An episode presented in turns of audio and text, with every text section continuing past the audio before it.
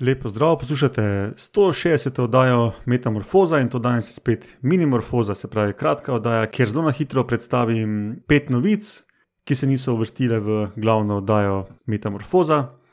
Ker je to zelo hitra predstavitev povezave do poljudnih in znanstvenih člankov v zapiskih, sicer pa ima Metamorfoza svojo bazno postajo na medijskem mreži Metina Lista, vse nas pa dobite na metamorfoza.afnametinalista.com in na različnih socialnih medijih. Ok, kar začnimo. Raziskava ena. Za področja, kot so evolucijska biologija, ekologija in varstvo narave, je pomembno vedeti, koliko osebkov neke vrste ali neke populacije sploh obstaja. In to je zelo težko sklepati uh, oziroma dognati. No, in v novi raziskavi so ocenili številčnost 9700 vrst ptic na svetu. To je ogromno, to je 92% vseh vrst znanih ptic. No, in ugotavljajo, da je trenutno na našem planetu približno 50 milijard ptic, spravi 50 milijard posameznih osebkov ptic. In med temi 9700 vrstami je seveda kar nekaj redkih. Raziskava 2. Pajki v glavnem ne marajo mravelj. Mravlje jim lahko škodijo, oziroma so lahko tudi celo njihovi plenilci. In ker jih ne marajo, se morda izogibajo lokacijam, kjer so mravlje prisotne. No, v novi raziskavi so pa pokazali prav to, pajki se izogibajo lokacijam, ki imajo von po mravljah. Med temi pajki so tudi vrste, ki se pojavljajo v človeških bivališčih, in mogoče je to dobra novica za arahnofobe, se pravi, mogoče bomo v prihodnosti na tržišču imeli pod narekovaj naravne odganjalce pajkov. Raziskava 3. Zeleni morski ježki, to je ena vrsta, so zelo številni v obalnem pasu severnih morij po celem svetu. In v teh severnih morjih se pasijo v glavnem na morskih algah.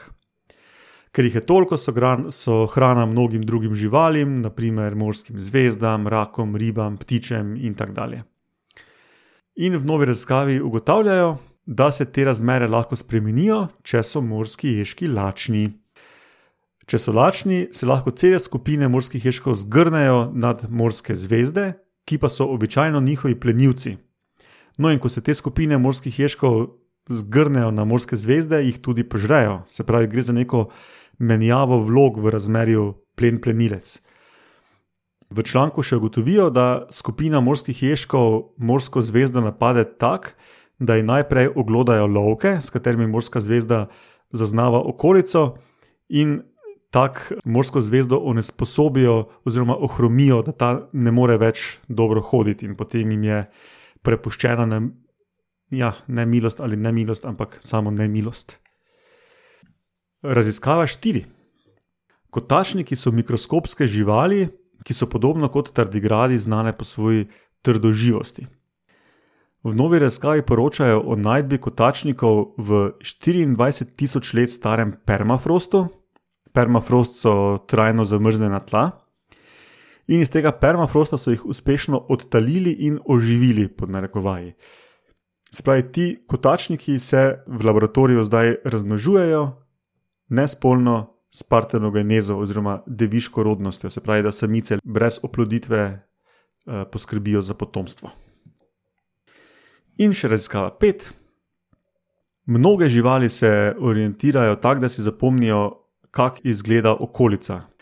Eh, med nevretenčarji so mravlje, čebele in ose znane po tem, da si zapomnijo določene točke v okolici in na ta način najdejo pot nazaj v gnezdo.